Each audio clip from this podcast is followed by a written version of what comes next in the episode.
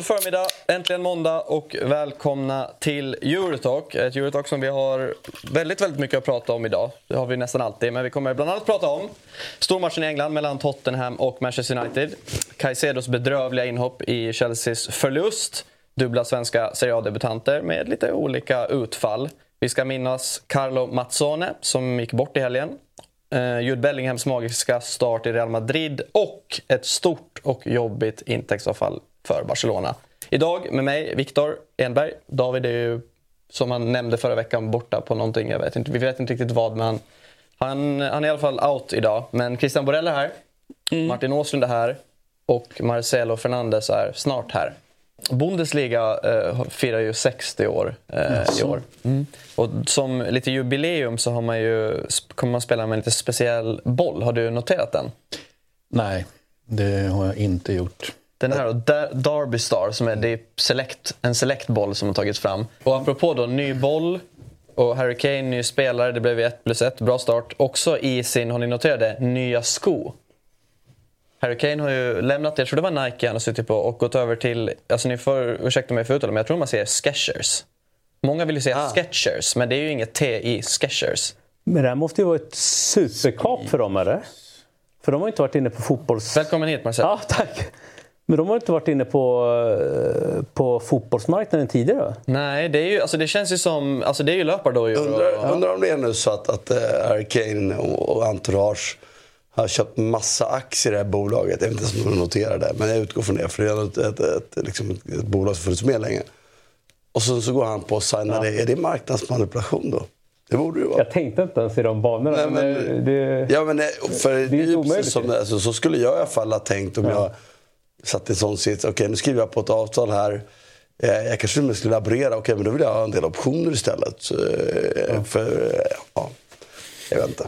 Ja, men det, är ju, ja. det är ju intressant ändå det här med när, om man tycker att ah, det kommer ett nytt märke. Det, det, det, för, för det gör ju det med jämna mellanrum. Och, och det är man jag, inte emot. Nej, det är liksom, jag, är, jag är faktiskt inte emot det. Däremot, alltså jag kommer ihåg, eh, och det är ju du också, kanske du också, men du är lite yngre men, och du kommer inte ihåg. Men du, eh, alltså Nike fanns ju, apropå att det var Nike här just, jag kommer ihåg när Nike kom till fotbollen. Eh, och det var ju liksom, för det var ju bara friidrott och tennis och, och, och, allt vad det nu var. Och så började de med hockey och fotboll typ samtidigt. Om inte jag kommer vad snackar vi för år? 90-talet eller? Nej, 80-tal. För jag kommer ihåg, jag, hade, jag, jag, gillar, jag, jag är inte speciellt förtjust i, i Nike då, rent generellt. Eh, och eh, har, har liksom aldrig varit. för eh, och, och, då, Det som fick mig någonstans att rycka till där och då var ju att min, min favorit och Charlie Nicholas, han började spela i, i Nike och han fick kontrakt med dem. Det är så gammalt alltså? Ja. Jag minns i alla fall mitten av 90-talet när det började komma in i fotbollen, i Allsvenskan och sådär. Man ja. såg det på lag. Och, eh, det är ju länge sedan. Jag tänkte också, bara för att, kan ni tänka er liksom det styrelserummet när de tog det där strategiska beslutet att gå över till fotbollen då. Mm. Tror ni att många amerikaner, alltså all, det kan ju omöjligt vara så att alla har förstått hur stor fotbollen ska bli. Det kommer aldrig slå. Nej, vad ska vi in på den marknaden och göra? Fotboll är ingen som bryr sig om. Det är, kan vi göra en amerikansk fotbollssko till? Det var några ganska bra strategiskt beslut dock, att gå över till fotbollen. Ja, när man tänker på Nike, jag tänker på en av de första eh, som, eh, som kommer in i mitt huvud, det är ju Ronaldo.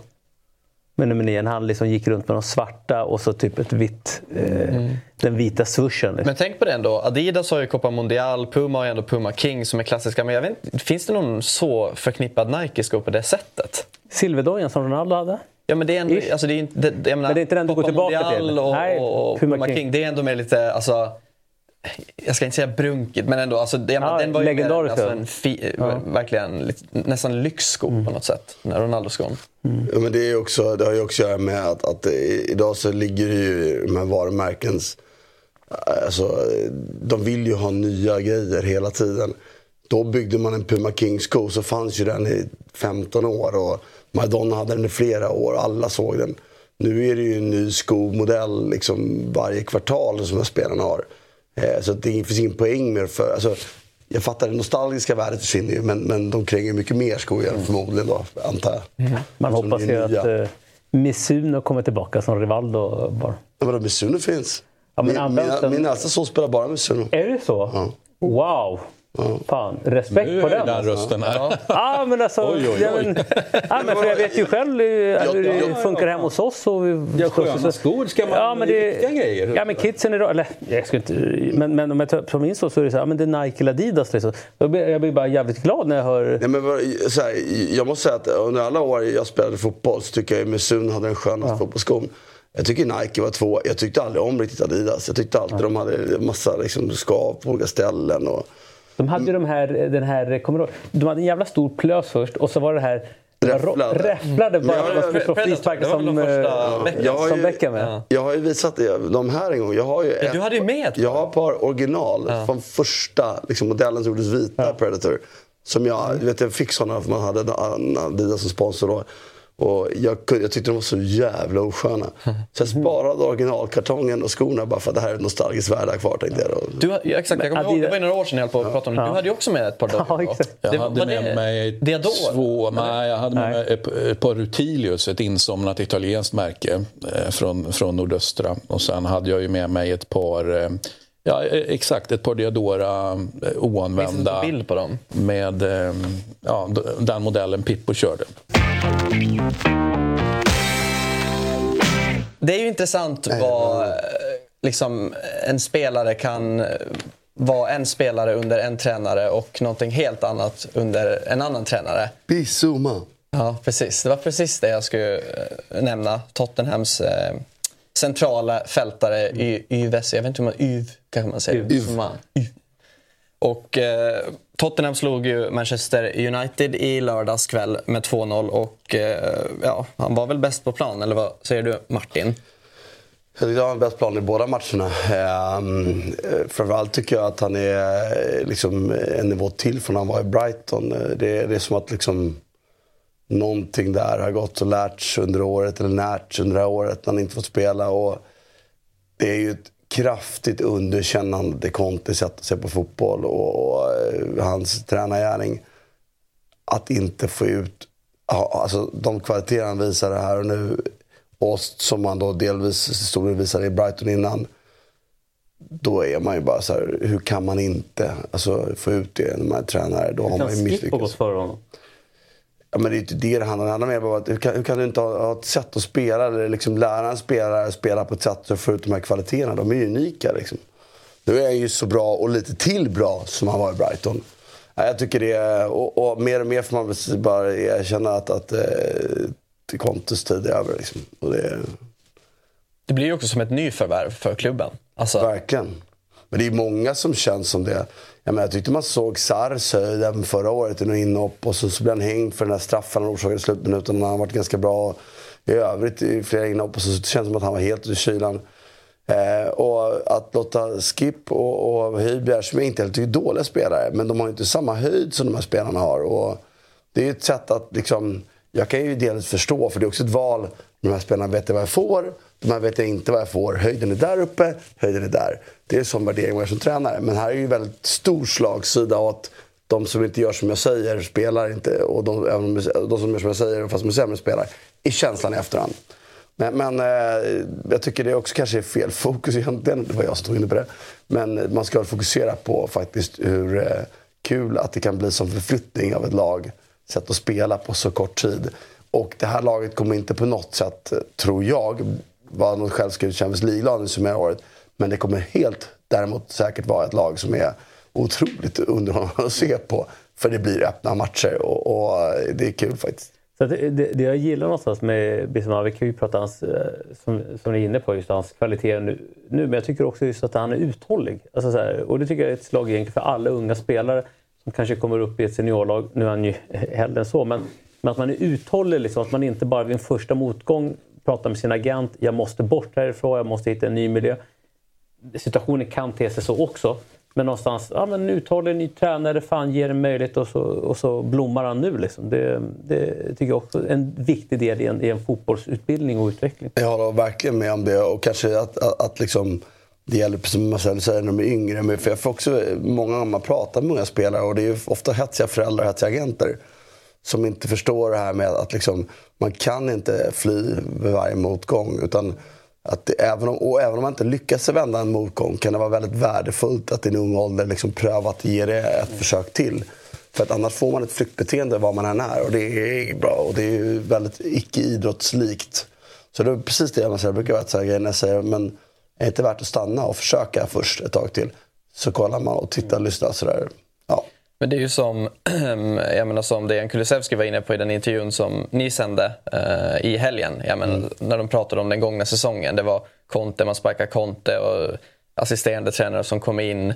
Var, han berättade ju om att det var deras fystränare som tragiskt gick bort och som påverkade gruppen. Att det var ju så stökig säsong. Mm. Så jag menar, Alltså och Conte var ju sjuk själv också. Gallstenen var borta. Slut, ja, det, det hände ju grejer onekligen. Så att, um... ja, det var ju ingen optimal miljö att vara verka som spelare. Eh, och det finns verkligen, ibland tycker jag att sådana där saker som händer runt omkring eh, sägs påverka spelare. Där jag är rätt säker på att de flesta är faktiskt alldeles professionella för det. Eller framförallt för icke-empatiska för att bry sig om saker runt omkring dem. Men, men, eh, när det är sådär i gruppen då är det ju omöjligt att det inte påverkar en. Eh, och det var ju ett svårt år såklart för dem. Så att, och sen tycker jag bara det faktum att de nu... Eh, jag menar, det ska också sägas, Vicario var bra den här matchen. Verkligen. Loris hade ju förra året kastade in kassar, så ja. det var ju omvända. Det var ju faktiskt matcher de, de borde ha vunnit lätt som de förlorade för att Loris var, var dålig. Och den här matchen tycker jag United är bättre i första halvlek. Det ska man också komma ihåg. Det, här. Alltså det kunde ju varit underläge och, och straff emot, borde kanske varit straff emot och så, så underläge. Och då hade det kanske blivit 0-3 här istället. Men då behöver du mål som räddar det. Alltså, som exakt, de ja exakt. Absolut. Så är det verkligen. Och så supades det ju själv. Alltså, både Rashford och Brunos, de här nickarna är ju... Ja, visst. Att, ja. Så att, eh, men, men underhållande att se på. Och Son i lite mer centrerad roll delvis. Andra halvlek var också bättre tycker jag, för honom om inte annat. Mm. Jag undrar ur ett United-perspektiv om det där är Bruno har ju några matcher förra året där han faktiskt är ganska bra, men han utgår från en kant. Alltså, här, jag tycker ibland att det där mittfältet ibland är lite så här, mm, skulle man inte få in några kilon till bredvid Casemiro och få upp Mount och kanske få ut honom på en kant. Liksom, så ja, men, så här, nu, Anthony Garnacho och så, så, de här Sancho. Liksom, så vad ger de dig? Liksom? Ja, en, en, fråga från mig då till er som bara kollar på matchen som en supporter egentligen och inte är så taktisk kunnig. Det känns ju verkligen som det känns som att ja, men Mount nu har startat två matcher, igen med lite sen, sittande central roll, men ändå en ganska fri roll. Det känns som att alla bara det känns som att man inte riktigt vet var, vem som ska vara var och att det bara flyter, flyter ikring. Alltså det är ju verkligen ett obalanserat lag och startuppställningen... Och du är förvånad att han ställer upp samma elva? Ja, lite. För att just det såg... Eh, just därför att, att eh, jag tyckte Wolves, i och för sig de en spelare som Mattias Cunha som är rätt unik ändå. Som, jag menar, blir det en halv meter, meter runt Casemiro och så springer han förbi honom med boll. För han är så pass bra med att driva bollen. Och så många sådana spelare finns det inte. Jag menar, då är priset högre på att inte vara organiserade och balanserade. Så att, men, men visst, nej, det tycker jag. Jag tycker överhuvudtaget att Mount-värvningen känns väldigt märklig. Jag gillar ju Mount som spelare, men Fernandes och Mount är samma spelartyp. Och lägga så mycket, och så nu när, när de liksom inte kan köpa spelare i United, då undrar man hur kunde de fokusera på att köpa en till offensiv mittfältare. Om det nu är andra delar man måste... Och de har begränsat pengapung. Liksom. Det tycker jag är jättemärkligt och, och konstaterat. För nu är laget obalanserat. Det är fina spelare, det är obalanserat. Eh, och så har de dessutom då reserver på bänken som man tycker spelar. Liksom Sancho kan spela, det kan spela. Eh, du kommer ha Martial eh, i Lund. Jag menar, det, liksom, att få in alla de här på ett bra sätt känns inte rätt. Alltså, det känns svårt. Så det här laget hade kunnat spela när man är väldigt bra i sin speluppbyggnad och ska dominera matcher. Då tycker jag man kan spela sådär. Mm. Och det var ju lite lika som förra året ju. Eh, att, att de hade svårt att få ja. in liksom... Ja, men, fan, alltså Declan Rice för Casemiro hade ju varit perfekt. Alltså lite en sån... Men jag, jag tycker också så många av de här liksom offensiva spelarna som de har, Garnacho, Anthony, eh, vad har de mer? Eh, Martial på, på sidan, Sancho det är samma Pelestri. hylla. Vad sa du? Pelestri också. Pelestri som kom in, eh, han var ändå helt okej. Men det är samma hylla. Det, jag tycker det liknar det som Chelsea hade för något år sedan. När de tog in Ziyech och de hade jättemånga liksom så här offensiva mittfältare. Chelsea är delvis fortfarande kvar. Ja, är. Men alla liksom samma, samma liksom nivå. Liksom. Det är ingen som säger ah, men fan den här är spetsig. Eh, och det är kanske Rashford då, när han får utgå från en vänsterkant och inte centralt. Men, och då är det så här, du har många spelare på samma nivå. Liksom. Och ett obalanserat innermittfält. Alltså det, det, det hade varit klädsamt att rätta till. Liksom. Det var ju en del diskussion på eh, diverse plattformar efter matchen, eller mest supportrar som jag menar, klagat på alltså Bruno Fernandes. Eh, alltså, hans sätt liksom på planen, jag menar, själva uppsynen och kroppsspråk, han kan ju bli ganska hängig och gnällig. Att man ifrågasätter att han har fått kaptensbindeln. Ja. Känns det som en ledare? Men, men, vi, har ju, vi, ser, vi ser ju bara det på planen. Eh, där vi, det är klart, har, man insyn i hur det är i omklädningsrummet utan beter sig i träningar det är klart, det är en annan, det är en annan faktor. Jag tycker också ute, med, med det utanför perspektivet att det känns konstigt. Men jag vet inte, man vet inte återigen hur, hur det funkar där och då. Sen hur spelarna liksom agerar kroppsligt och sånt där. På, kan finnas vissa kulturella aspekter i det också. Att, eh, och så liksom att det är mer åt latinohållet och att du ja, kanske är så. Liksom. Jag, jag, vet inte men det är klart man kanske hade tittat åt ett annat håll. Det hade alltså, jag funderat på. Alltså jag tycker inte att det du beskriver i alla fall är ett problem i sig. För herregud, vi pratar inte om någon skolbarn nu eller någon, någon, någon, någon som jobbar på en vanlig arbetsplats där lättkränktheten är liksom... Om man inte kan hantera att en spelare står och skriker åt en för att man har slagit bort en boll och inte spelar honom. Då ska du inte ha där att göra. Då, sorry. Och det är ingen av de här som bryr sig. för det, Då har man blivit utslagen på vägen. Sen tycker jag ju att kroppsspråket rent så här, symboliskt för att vara en lagkapten, ja det, det är ju tråkigt. Och det är en sån sak som man ska värdera som klubb möjligtvis, när man, eller så har som, som tränare, att välja en kapten. Men jag, som ledare vid sina plan får jag höra att han är fantastisk. Mm. Det är vad jag har hört. Men, men, men, jag har ingen insyn så jag har ingen aning. Mm. Eh, och, och, sen tycker jag större problem är inte hans kroppsspråk. Större problem med sina matcher mot Tottenham det är att han har ju mandatet att slå de avgörande. Alltså det är många som håller i boll och så går det till honom och han slår en avgörande. Och det gör han ibland, tycker jag, från positioner när man inte behöver göra det. Han provocerar ju alltid en sån situation. Underförstått menar. Och när han har en dag då han inte har så bra hög effektivitet i det. Och man möter ett lag som Tottenham som är duktiga på att hålla i bollen. Då ger han bort för mycket boll tycker jag. Är han tillräckligt bra för lagkapten? Så han har varit deras bästa spelare, så jag tycker inte att det är något konstigt. Mm. Sen, sen kan man väl säga den här gnälligheten är ju inte snygg från läktarhåll. Men, men alla som har spelat vet ju också att om man har en jävel som gnäller på allting, då fan höjer du ändå. Liksom.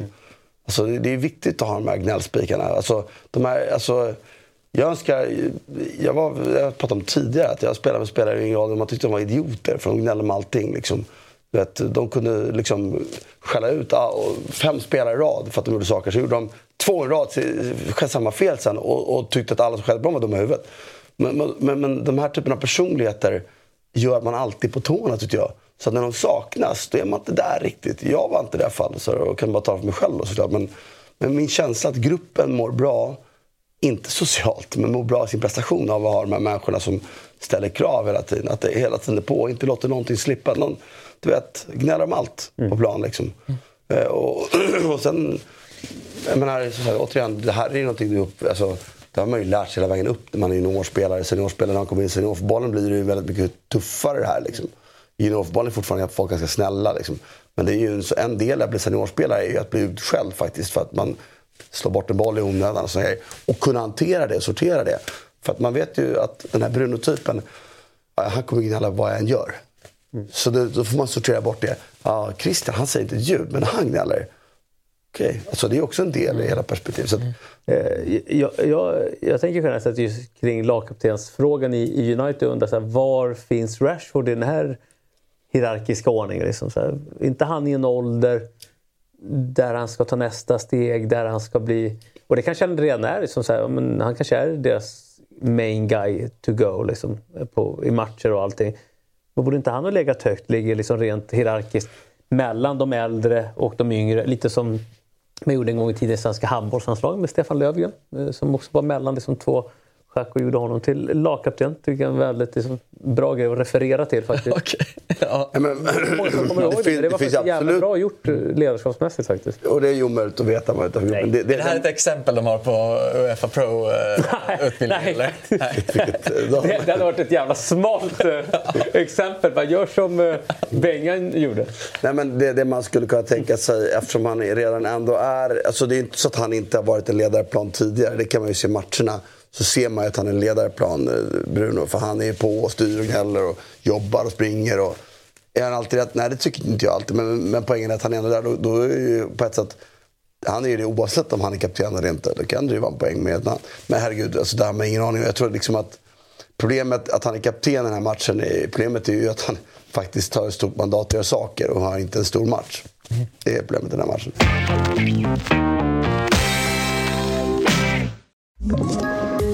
Poddtips från Podplay.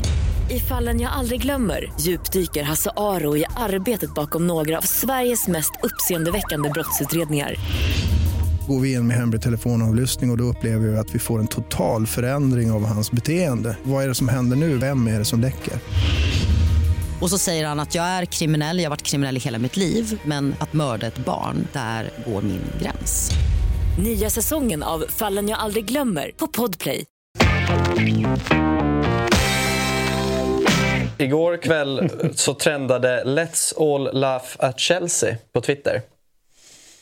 Det är lite hårt eller? Jag menar, ni pratade väl ändå ganska gott om Chelsea förra veckan. Var det här, var det här två steg tillbaks? Eh, nej, det var återigen en jämnt bra prestation ju 60 minuter. Eh, alltså att, att West Ham har två mål efter, vad är det, 60 då precis. Är ju, är ju helt otroligt. Jag tror inte de har haft, har de haft tre anfall ens på hela matchen så långt. Eh, och det belyser ju bara någonting som jag är lite rädd för att, att vi hade problem med Chelsea förra året och pratade ganska lite av. För det var mycket annat som inte fungerade med Chelsea. Men deras otroliga oförmåga, eller deras förmåga säger man väl inte i det fallet, men förmågan att släppa in mål av ingenting. Eh, den, den är ju inte på, jättepositiv. Och, och jag tycker att eh, första målet på hörnan, så, eh, att, att ha en zonspelare som går på bollen och missar bollen i en zon. Alltså missar bollen. Kostsamt. Ja, Det är kostsamt. Och sen så har Gallagher av alla och markerar Gerd.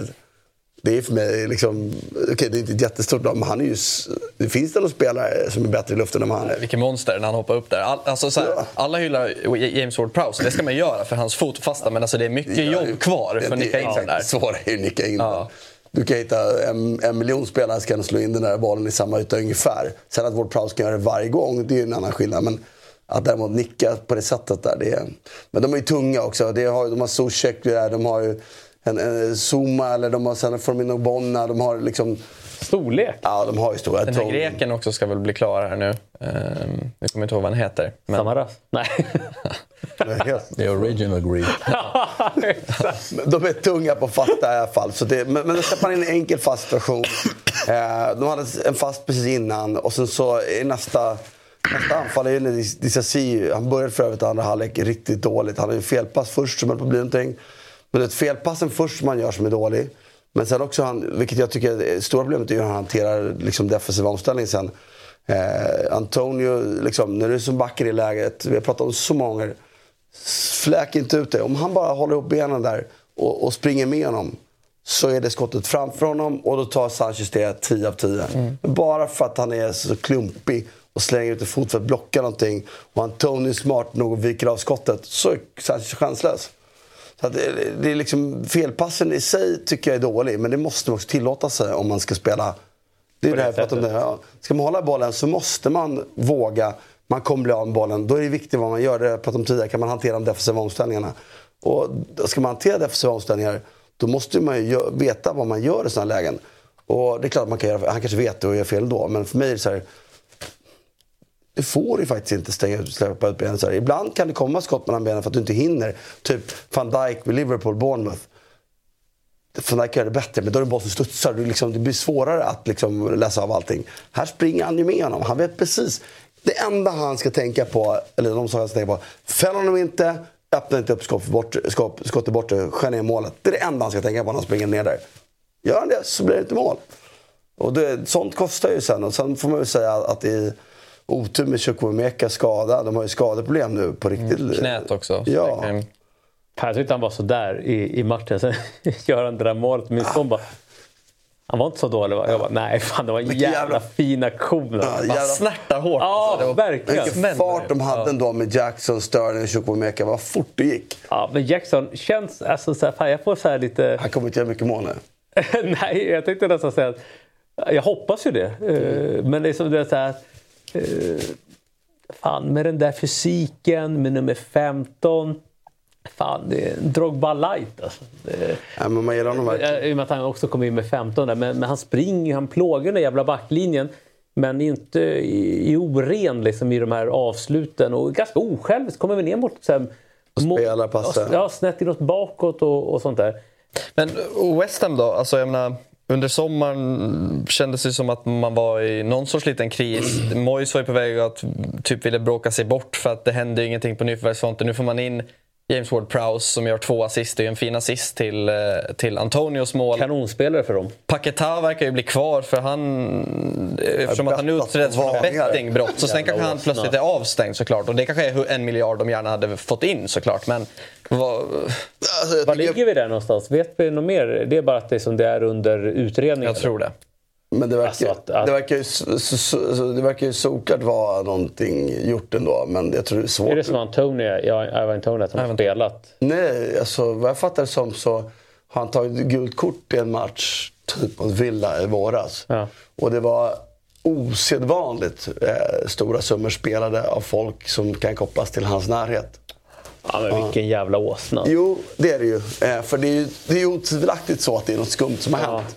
Men, men eh, sen ska de bevisa det där också och det är ju inte säkert att de kan. Nej, men det räcker med att det finns en WhatsApp-grupp och så... Ja, jag visste ju. Ja. Han skriver något sånt, då är han ju rökt. Liksom. Det kommer de ju... Då är han, då, vad pratar vi? Så 12 månaders... Alltså, vad fick Tony? Han är tillbaka i januari. Så han fick ett halvår ish? Ja, eller det var väl i våras han blev dömd. Så han spelade väl inte sista omgångarna. Så man räknar, jag vet inte om man räknar med sommaren heller, men det var väl 8-9 månader. Ja. Ja. Jag vet inte. Jag tycker i alla fall att han är jättenyttig för, för West Ham. Men jag tycker ändå en spelare jag skulle hellre velat se kanske ett mer bollhållande lag. För jag tycker att det är en väldigt bra fotbollsspelare. Nu blir ju han...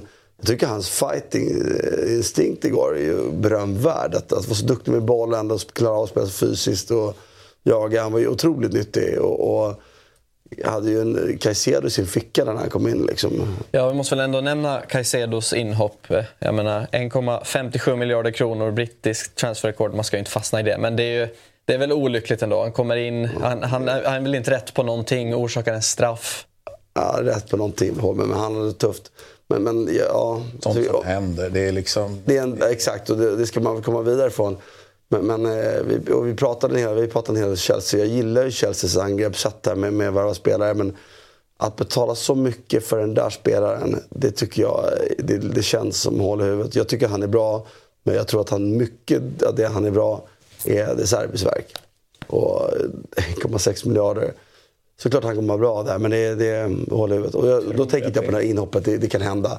Och han tappar bollen en gång. Egentligen han tappar bollen en gång så dåligt. Han orsakar straffen. Sen var han inte bra i övrigt, men liksom, i övrigt var det ju inte så... Liksom, det kan ju hända lite, trots allt. Ja, vi stänger England för idag då och drar till Italien. Där det var, vi har haft två svenska Serie A-debutanter den här eh, helgen. Vi kan väl börja med den som eh, debuterade igår kväll då, i ditt kära Lecce, Christian. Pontus Almqvist.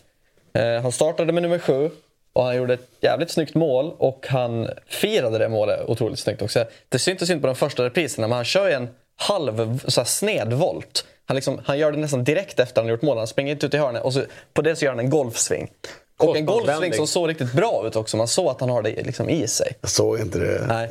Nej, inte jag såg bara målet och när det skedde och så började jag texta till Christian. då, har han ju, då har han ju faktiskt hamnat rätt. Då, för jag menar, Lecce brukar ju träna på um, Akaya Golf Resort. Yes. Där, där är ju, eh, ja, höll jag på att säga, tyvärr då, det hade varit bättre om han hade haft en egen eh, vad säger man, sport, sportanläggning och så. Då. Men eh, det är väl kanske på väg dit. Nej, men ska han, eh, ska han eh, fortsätta på den inslagna vägen så är han såklart hjärtligt välkommen att göra det.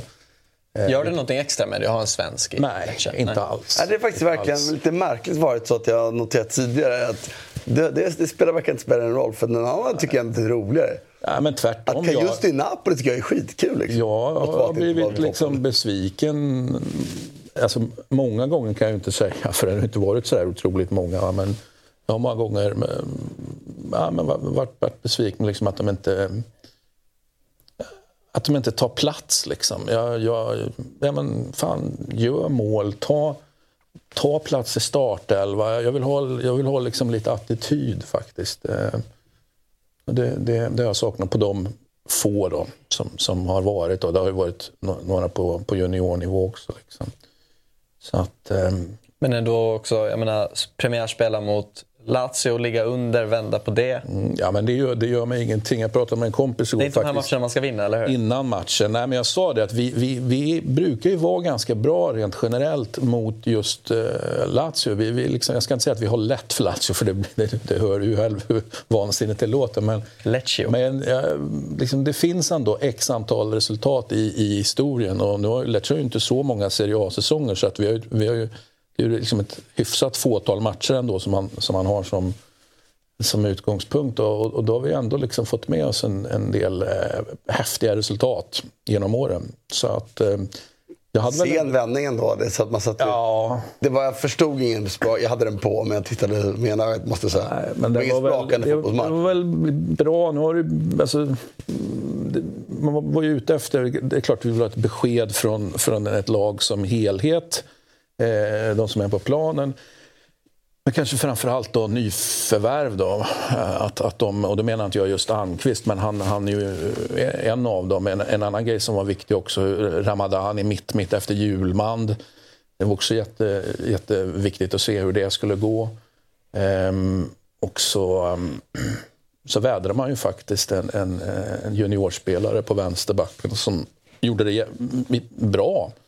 Men sen blev utbytt mot en eh, som inte är sådär våldsamt mycket äldre, men han var ju ännu bättre då. Eh, Gallo. Så att, eh, nej, det, det, det är bara att tacka och ta emot. Eh, tre, treor är alltid treor, man säger så. Nej, de ska ju... Exakt, mot de här 38 poängen eller vad det är man brukar säga. Så är det. så, så är det viktigt att, att, att ta. Sen så, typ två dagar innan så blev jag extremt exalterad. Jag kan vara exalterad över det där också, men då var jag ännu mer exalterad för jag har nämligen fått en ny montenegrin till, till Lecce. Och, eh, Det är viktigare än Ja, det, är, det är viktigare kan jag säga. För du vet vem Arvet som är... efter Vucinic. Ja, Vucinic eh, var ju, var ju montenegrin då, till exempel. Det fanns andra också. Eh, Polexic, keepern, underskattad sådan. Men, men nu har ju liksom, Lecce har lagt 4,5 miljoner på en ny, ung montenegrin. Och en gång i tiden var ju Corvino kung på Balkan. Alltså, han, kunde ju, han fiskar ju otroligt bra där. Anfallare? Nu fiskar han ju centertank. Ja. Ung centertank.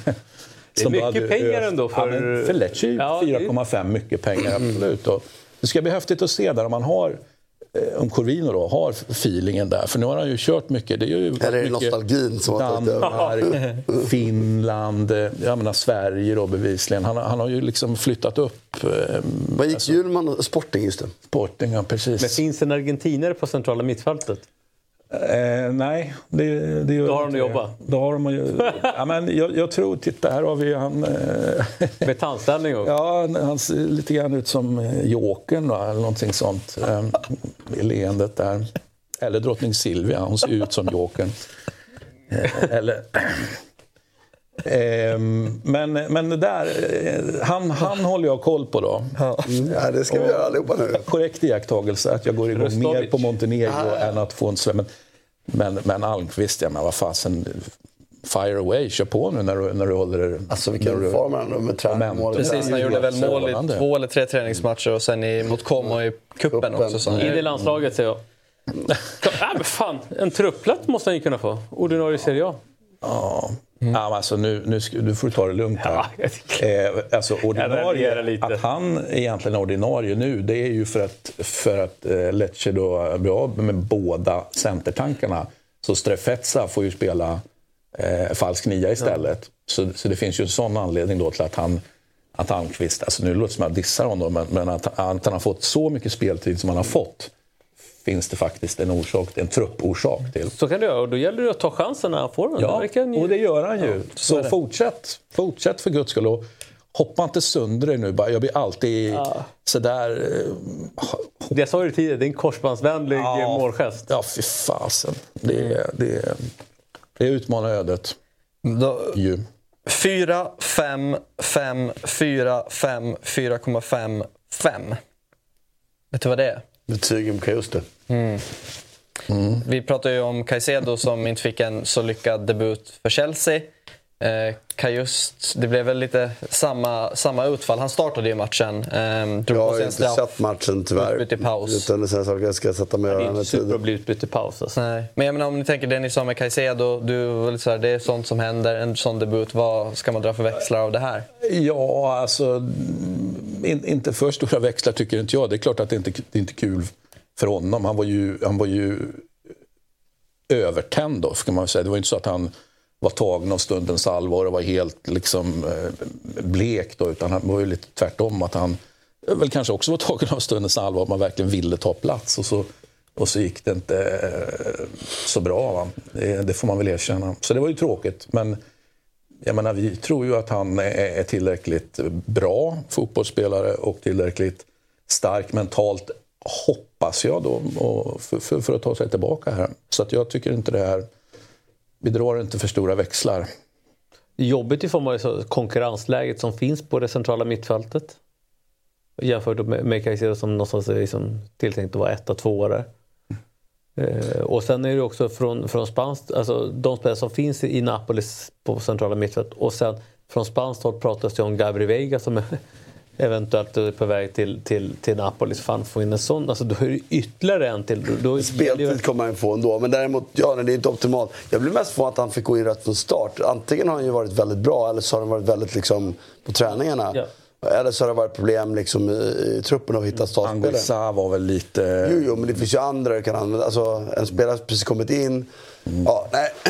Men, men jag hoppas att det finns med i beräkningen för honom. Lite, att, liksom, Men fantastiskt att svensk på, i ett sånt lag på, på den nivån. Då.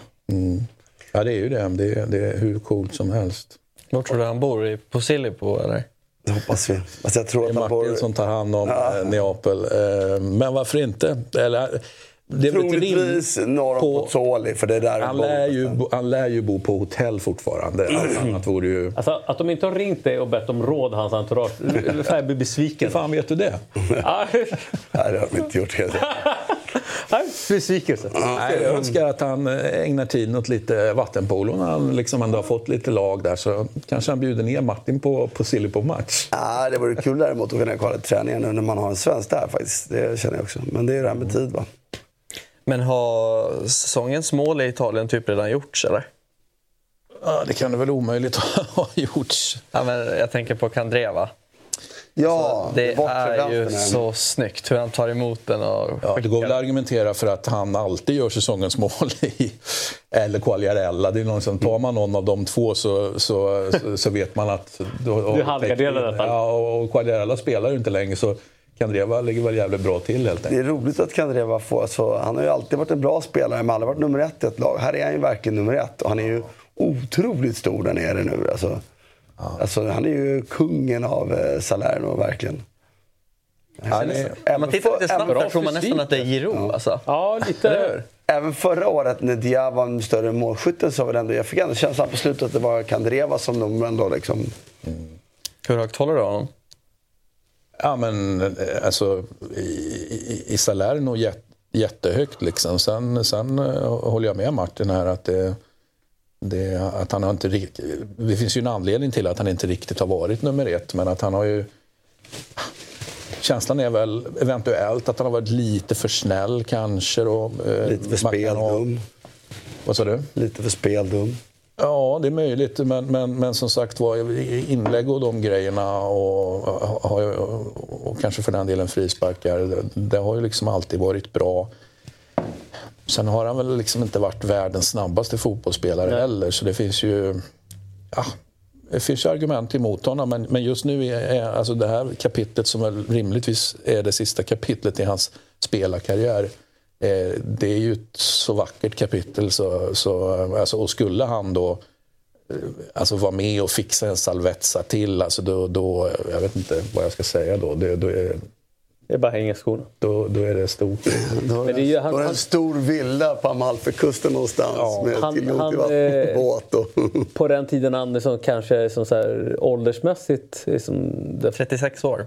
Ja, men tänk, tänk kanske för tio år sedan så, alltså, han, det är som du är inne på, han har ju aldrig haft någon så fysisk spets liksom, i form av snabbhet. Alltså, vadå, alltså, vadå långsam har han aldrig varit? Han har varit hyfsat snabb ju. Ja, men aldrig, inte explosiv på det sättet. Man tänker. Jag tänker mer att liksom, det, för jo, mig är det, liksom, det skulle jag säga att han var. Det, för mig är det mer så här, det, det är det tekniska, alltså inläggsfoten som har stuckit ut. Det har varit hans spets. Tillslaget absolut, i ja. båda fötterna absolut. Men sen måste jag säga att, att ja, han har varit uthållig, absolut. Det är väl en annan, men sen blev jag så här jag fick en annan bild av honom när Conte helt plötsligt i ett landslagssammanhang använde honom som wingback. Då så bara, ja, men fan, fan, han pallar liksom hela kanten.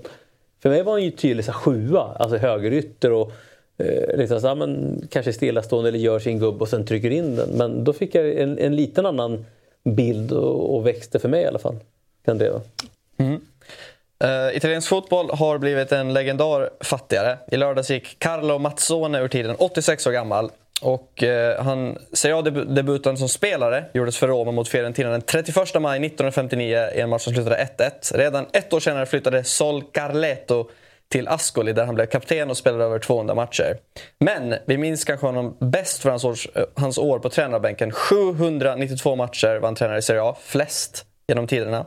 Han inledde tränarkarriären så redan som 31-åring och förde sitt Ascoli från Serie A till högsta divisionen. Och på CVt har han som tränare då bland annat klubbar som Fiorentina, Bologna, Roma, Brescia och även Lecce, Christian. Mm, hur, eh, hur väljer du att minnas honom och hur tog du emot nyheten?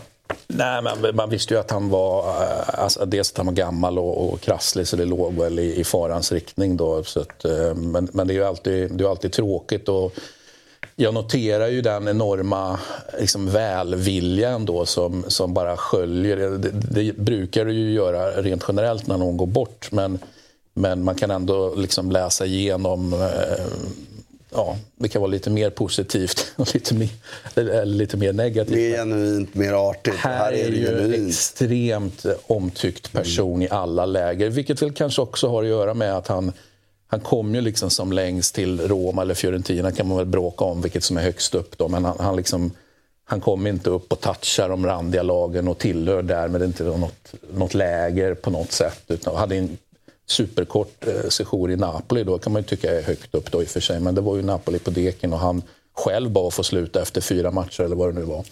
Så, att, eh, så det är väl eh, en delförklaring också till att han är så så att säga, omtyckt. Och sen, ja, alla minns ju, alla minns ju när han rusar mot Atalantas eh, kurva. Det är, ju, det är ju en klassiker såklart.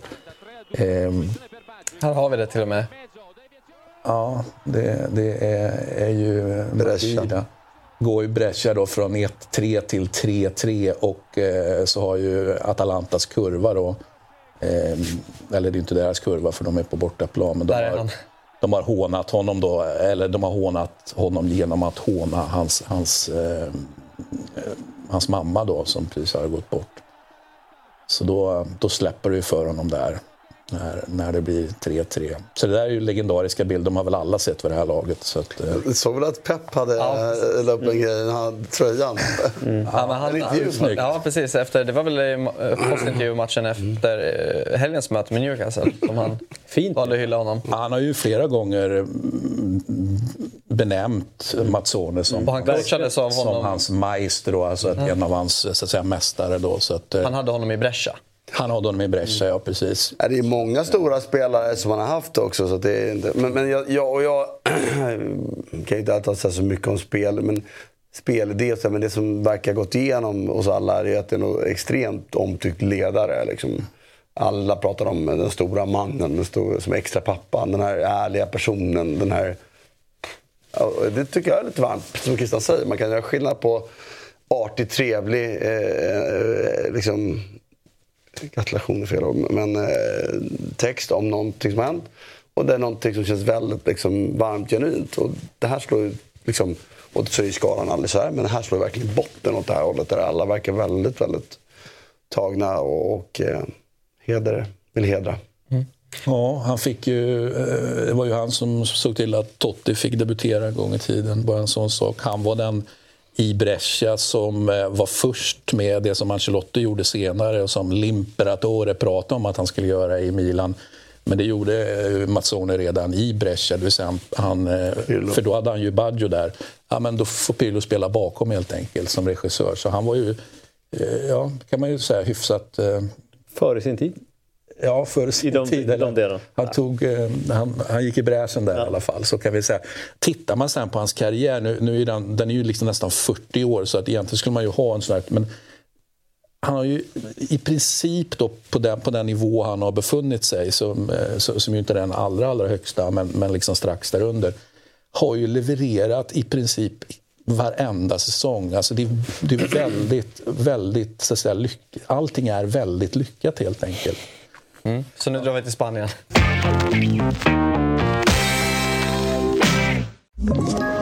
Ett poddtips från Podplay. I podden Något Kaiko garanterar östgötarna Brutti och jag, Davva, dig en stor dos skratt. Där följer jag pladask för köttätandet igen. Man är lite som en jävla vampyr. Man har fått lite blodsmak och då måste man ha mer. Udda spaningar, fängslande anekdoter och en och annan arg rant. Jag måste ha mitt kaffe på morgonen för annars är jag ingen trevlig människa. Då är du ingen trevlig människa, punkt. Något kajko, hör du på podplay. Därför är gardinerna. Där, vi måste väl börja med att gratulera då dig Marcelo. Eller jag vet inte, du, jag gratulerar väl er till bronset såklart, men en, ett VM-guld. De, eh, precis. Det är också noterat att till och med katalansk media var och, och nu, Exakt, det är inte en självklarhet. Nu är det ju, ja, valde att hylla det. Ja. Eh, nej, det, det här eh, med en kort bakgrundshistoria till det här var ju 15 spelare i fjol, för att bara förstå bredden på det. 15 spelare gick i fjol ut och liksom anklagade tränare för bland annat liksom att eh, dåliga träningar, dåliga taktiska upplägg, dåliga liksom fysiska förberedelser förbundet med Rubiales i spetsen som var ute och, på väldigt djupt vatten igår då, eh, får minst sagt säga, som går ut och backar eh, tränaren och säger så här, men då behöver inte ni vara med i nästa landslagsuttagning. Eh, och eh, det är tre spelare av de här 15 någonstans som, som backar det här väljer ändå att vara med i VM. Så att det, är, det är ett decimerat landslag. Eh, och så går de faktiskt hela vägen och jag tror att det här är lite början på en en stor uh, hetsperiod för, för spansk fotboll på damsidan. Grattis Spanien! Mm. Ni pratade ju en del om Jude Bellingham förra veckan. Nu gjorde han ju två nya kassar. Bästa starten sedan Cristiano Ronaldo i Real Madrid. Mm. Och vår kompis Adam Pintorp skrev, eller twittrade, eller exade kanske man ska säga nu för tiden. Hur fan säger man det? Jag undrar det. Är fråga, faktiskt. Exa är ju liksom att ta examen eller... Mm. Ja, exakt. Ja. Man kan fortfarande skriva in twitter.com men man kan också skriva x.com så kommer man in på Twitter. Va, eller X. Han twittrade. Ja, han exade slash twittrade. Jude Bellingham känns redan som La Ligas största stjärna. Håller ni med? Nej, det är jag inte. Men han är på väg att kunna bli det, absolut. Det är tidigt. Mm. Det, det, det, ska sägas också att spanska ligan är, är ju... Jag tycker att den är sämre. Jag, jag sitter och ser matcher. Eller jag, jag gillar i för verkligen delar av matchen. Real Betis, att Madrid sa... Jag pratade med mina som kollat. Det är något visst. De, jag, jag saknar när, när en sån här match med den typen av liksom, tempo när det går lite upp och ner. Och lite, jag saknar när man såg en sån match och kände att det var bäst i världen. Mm. För det känner jag inte längre. Jag såg Barcelona innan mot Cadiz. Svag. Ja, men, jämför det med, med, med det jag sett i Premier League under helgen så har skillnaden blivit på en nivå som jag aldrig upplevt. Den liga har alltid varit minst lika bra och nästan alltid varit bättre än Premier League under hela Premier Leagues historia. Ja, jag kollade också. Jag tyckte det var svårt att bara kolla på matchen. Det var svårt att hänga, hänga sig kvar. Och, och jag måste ju... Ja, Ja. ja. men ska vi säga, om, och därför ska komma med Bellingham, att han börjar som han gör. Det är inte som när Cristiano Ronaldo började som han gjorde, för då var ligan bäst i världen. Det är den inte just nu, tyvärr. Sen kan vi prata om andra saker, för jag tycker att Real Madrid är på väg mot någonting som ändå känns, mm. i en övergångsperiod, väldigt bra. Medan Barcelona blir jag sådär lite att... Ja. Jag blir lite orolig. Vad fan hade, vad fan hade, alltså jag, jag, jag älskade Xavi som spelare och han är en Barca-ikon. Jag tycker om att liksom, han får chansen att men han har ju fortfarande visat nära noll på någonting som... Han vann ligan förra året, men han har också en brutal jävla trupp. Eh, alltså han har, jag tycker han har visat nära noll på saker som imponerar som tränare. Jag, ska inte det laget spela... Alltså, jag sitter bara och ser det där. Fatta om det Serbi satt klorna i det här laget. Herregud. Fan, det finns ju inte en spelare i Brightons trupp som är, går in eh, i, i förrän de där. Och hur kan de spela så bra fotboll mot världens bästa lag? Och hur kan Barcelona inte spela bättre mot Cadiz och... Jag mötte dem första gången. Getafe. Getafe. Getafe så jobbigt att möta, men ändå. Mm. Alltså, det, alltså Brighton hade ju slagit, Brighton har slagit Getafe med 5-0 med det materialet han nu.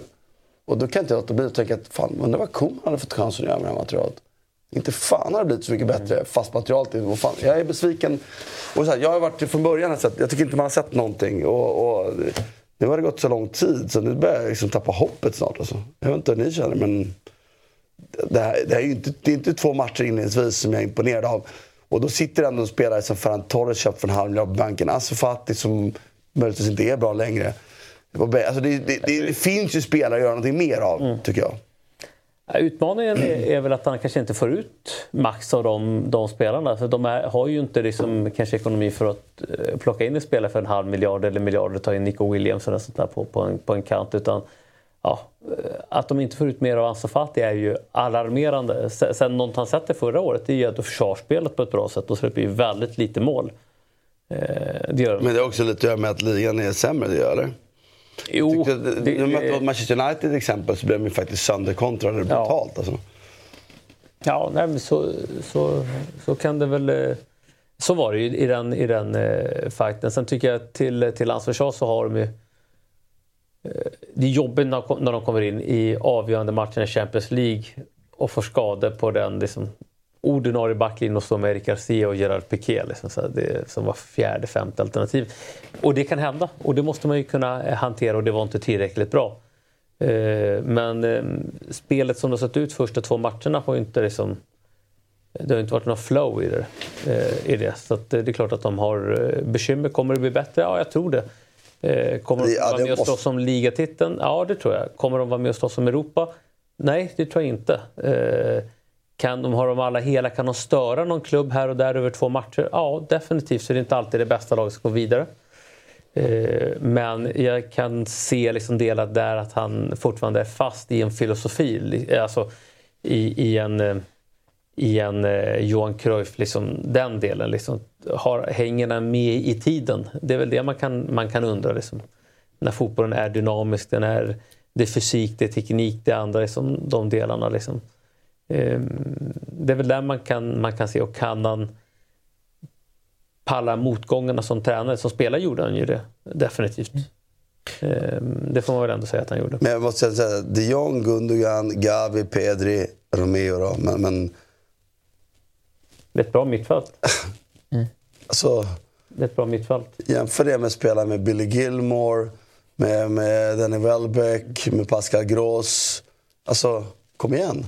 Jag tycker det är, jag, jag, tycker, jag såg matchen igår och tycker det är under all kritik att de inte spelar bättre. Och d- andra matchen med nytt material in i säsongen, när man är ny tränare, då hade det varit fullt acceptabelt. Andra matchen i säsongen kan alltid vara acceptabelt. Men jag vet inte, jag ser bara mönstret härifrån nu. Jag är... mm, Orolig? jag tycker jag är mest ledsen över att, att eh, eller så missbedömer man alla de här spelarna, men jag, jag tror inte det. Alltså. Så att, eh, ja, nu vill jag verkligen se en förändring snart, annars får de faktiskt lägga pengar på, på De Serbi. Jude Bellingham gjorde två mål. Mm. Vet du vem som också gjorde två mål? Job gjorde två mål. Job Bellingham i helgen. För vilken klubb? Jag vet inte, han är inte kvar i moderklubben väl? Dortmund eller? Han är inte kvar i Birmingham, nej. Nej, Sunderland. just det. Man vände och vann mot Rotherham, tror jag det var. Jag läste faktiskt att han bytte lag i så jag reagerade på varför bytte han från början. Ja, eller hur? Pratas det inte om att liksom... För det var ju när Jude lämnade så hängde, hissade de ju upp hans tröja, men sen fick ju brorsan den, tror jag. Men sen så har han lämnat ändå till en annan klubb. Och brorsan är typ 05. Femma. Ja. Mm, Jude är Det- 03. alltså, om man lämnar då, eh, är det för att han inte fick spela? Alltså, Jag har faktiskt jag har inte så bra koll. bra. Ja, han gjorde två mål nu så. Jo, Deras men, förlust. var han tillräckligt bra i Birmingham? Eller blev han köpt? Ja, vadå? Sunderland hade ju en bättre säsong i fjol än Birmingham. Sunderland var ju uppe på playoff. Det var ju inte Birmingham. Så Så det, han, har köpt, han har bytt upp sig då? ja, det verkar ju så. Mm. Men eh, apropå Barcelona, då, man spelar ju inte på Camp Nou. Och, och vad bisarrt det har varit under sommaren bara när alla bilder kavlades ut när man håller på och river Camp Nou. Alltså det känns konstigt. Ja, lite- Jag har inte sett något. Nej. Lite Jag inte. Däremot Okej. måste jag säga att Montjuic är eh, bara var det ligger i Det är Barcelona. den här Olympiastadion. Olympiastadion. Espanyolsk gamla arena. Uppe alltså, för den här jag kullen. älskar den alltså. Ja. Jag älskar den. Jag är nästan så här, synd att inte fler... Alltså, Jag kan säga att det, det verkar inte som att eh, lika många i staden eller supportrar älskar den på samma sätt. nej, men jag förstår. För den är ju starkt förknippad med, med Espanyol. Alltså, så här, men jag tycker det är sorgligt att Och långa Espanyol promenaden flyttar- upp. Ja, men det är supermulligt där. Att gå på Plaza España och så trampar upp. Eller så tar en jävla taxi och åker runt. Liksom, så här.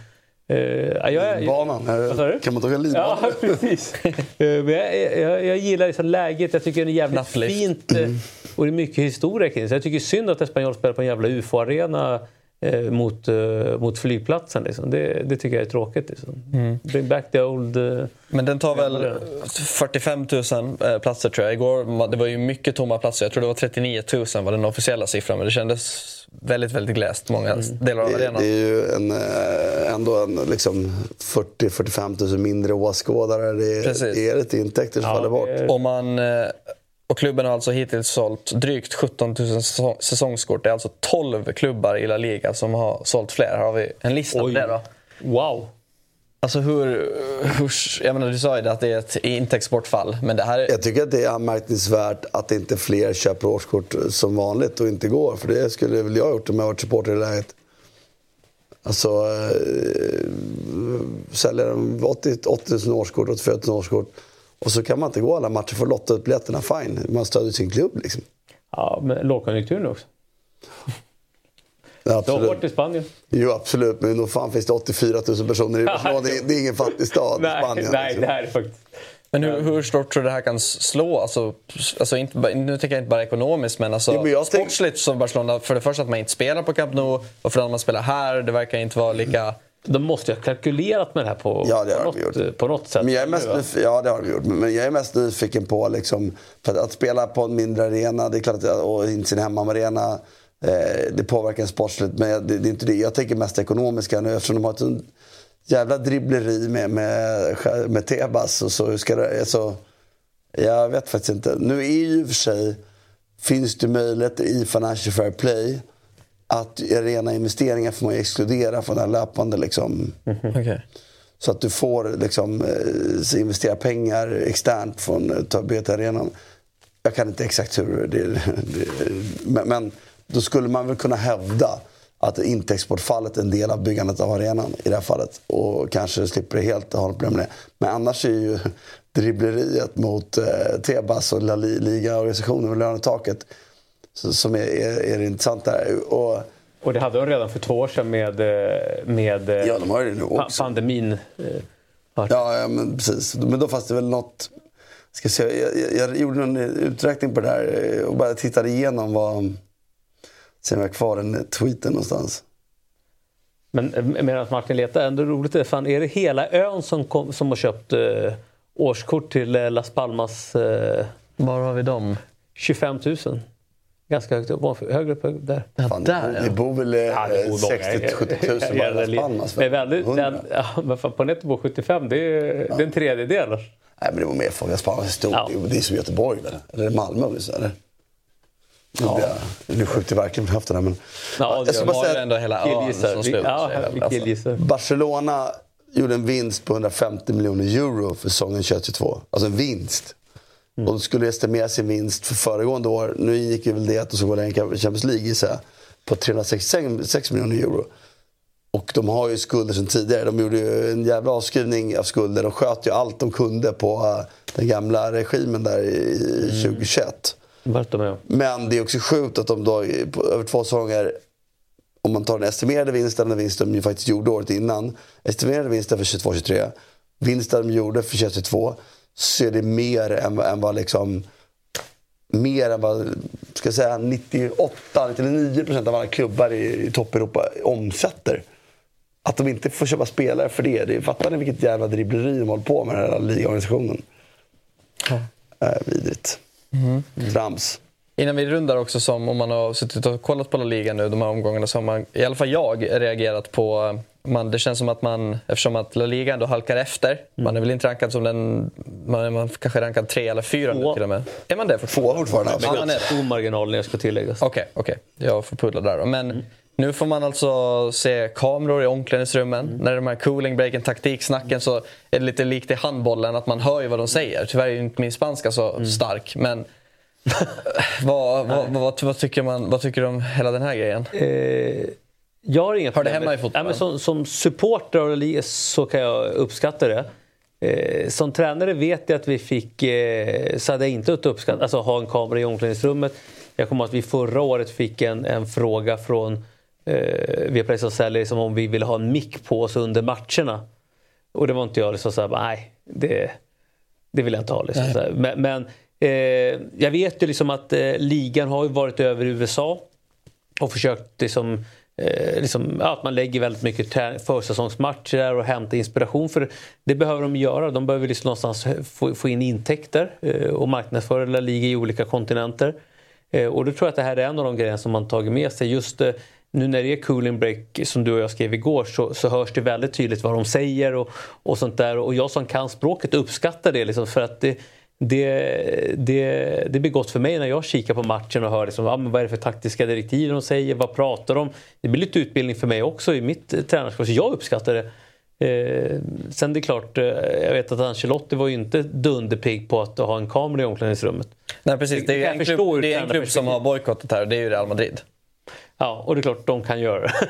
Jag tycker det är enda rimligt att inte ha det. Fy fan, ha en kamera in när man ska byta om. Man måste ju få någon plats att vara i fred på det. Däremot så kan jag tänka alltså, att du kan ha en sån kamera, så du behöver inte ha någon jävla kameraman. Liksom, en kamera som, att, att inte ha något ljud. Nej, Det- men, men det, jag, jag fattar att det är det överallt nu och jag tycker att det är sorgligt. Någonstans måste man vara, få- få i fred liksom. Det, det, det som är sagt nu då, eftersom att de har bojkottat det här, att om de, kommer få, om de inte ändrar sig och tillåter det närgångna filmandet så kommer man gå miste om 12 miljoner euro. Och, eh, ja, det, och det försvarades ju av eh, eh, La Liga-presidenten Tebas då, så jag men, det är väl eh, de har väl inte kommit... Ja. Perez och Tebas, de är väl kanske inte bästa vänner sedan innan. Så. De är ändå bättre vänner än vad Laporta till.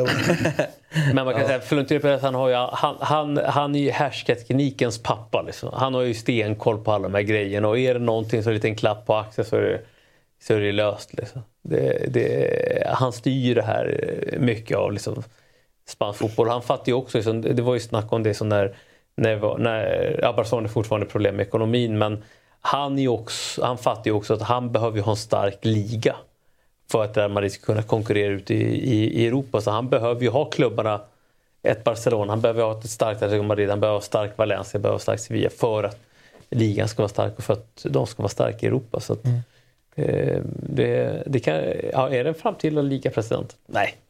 Vad, Christian, vad tycker du om de här nymodigheterna? Nej, men jag, jag är emot såklart. Det, jag, jag håller med Martin. Då. Nu har inte jag någon spelarerfarenhet på det sättet, men jag förstår att man, man, man ska vara fredad någonstans. så att, eh, jag, jag är inte så förtjust i det. Med det sagt så, eh, italienska fotbollen, där är ju kamerorna inne i omklädningsrummet före match i alla fall. Kanske inte Var det Alltså, något i, i, Italien. Italien? Sorry. Ja. Jag, jag, jag kan ju säga att jag sitter inte och tittar på det där. Så att jag vet ju inte riktigt, men min, min känsla är att det är i alla fall inte när de eh, klär av och på sig utan att man, man har kommit lite längre i själva Processen. processen. Då. Så att, ehm, Nej, det måste sluta med att man får ha liksom rum bredvid omklädningsrummet där man får vara i fred. Jag tänker också hur Ja, olika människor är. Liksom. Vissa, av hur man var i olika matcher, olika perioder i livet. Sådär. Men man vill ju vara i fred ibland. och Ibland så hade det nog inte alls varit något problem. Men så fanns det ju de som verkligen var inåtvända innan matcher. Som typ inte gick att prata med. Liksom. Jag kan köpa det här med omklädningsrummet, alltså så att det ska vara en fredagsplats. Däremot, jag gillar ju sådana här be cooling break och man får höra lite den handbolls... Den, den kan jag, jag uppskattar den. Du har lyssnat på en lite kortare variant utav Eurotalk i och med att du har poddlyssnat. Om du vill se hela programmet så finns vi på Dobb-TV.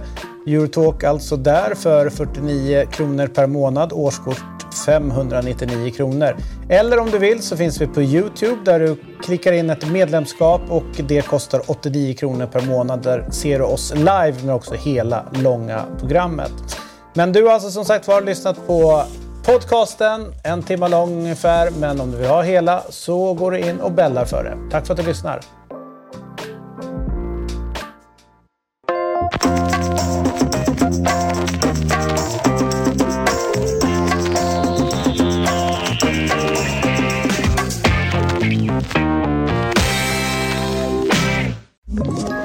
Ett poddtips från Podplay.